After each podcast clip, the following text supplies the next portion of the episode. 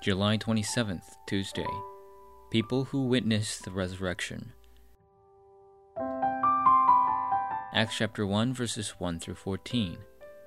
They were looking intently up into the sky as he was going, when suddenly two men dressed in white stood beside them. Men of Galilee, they said, why do you stand here looking into the sky? This same Jesus who has been taken from you into heaven will come back in the same way you have seen him go into heaven.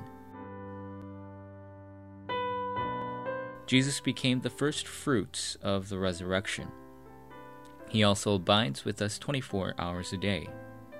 Anyone can call upon the name of Jesus Christ. If you hold on to the covenant of the Lord who resurrected, then miraculous works will take place. For this to occur, we must confirm a few things. Number 1. Disbelief that must be discarded. The Lord who resurrected no longer requires the need of oil. That is why he met with the two women who came to put oil upon his corpse. The Lord who resurrected sought out Peter, who was discouraged and dismayed. He also appeared in the presence of two disciples heading to Emmaus.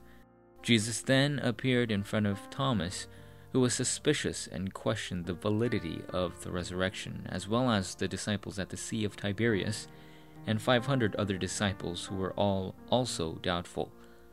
The resurrected Lord appeared before these people and delivered his covenant. We must hold on to this covenant and quickly discard our disbelief. When we throw away our disbelief, more works will arise. Number two, source of answers. The Lord who has resurrected gave three sources of answers. If you firmly hold to the covenant and pray, then God's kingdom will descend upon you. Acts chapter 1 verse 3. Also when you are filled with the Holy Spirit, you will receive power and become a witness. Acts chapter 1 verses 11. This is the source of answers. If you possess this source, then you will absolutely receive the answers similar to the early church. Number 3 the answer that God will absolutely give to us. If you hold on to the covenant and devote yourself to prayer, answers are sure to come. Devoting yourself to prayer means discarding other interests and holding on to the covenant, rather than just praying all the time.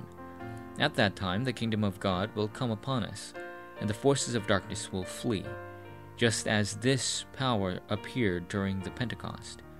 This answer was given to both Stephen and Paul.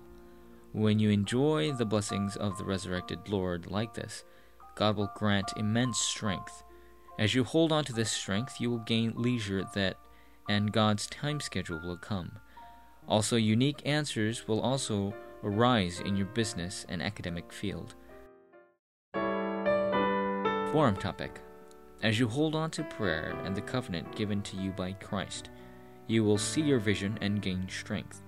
With this strength, you can maintain your business and academics, absolutely receiving answers. This is why the early church devoted themselves only to prayer.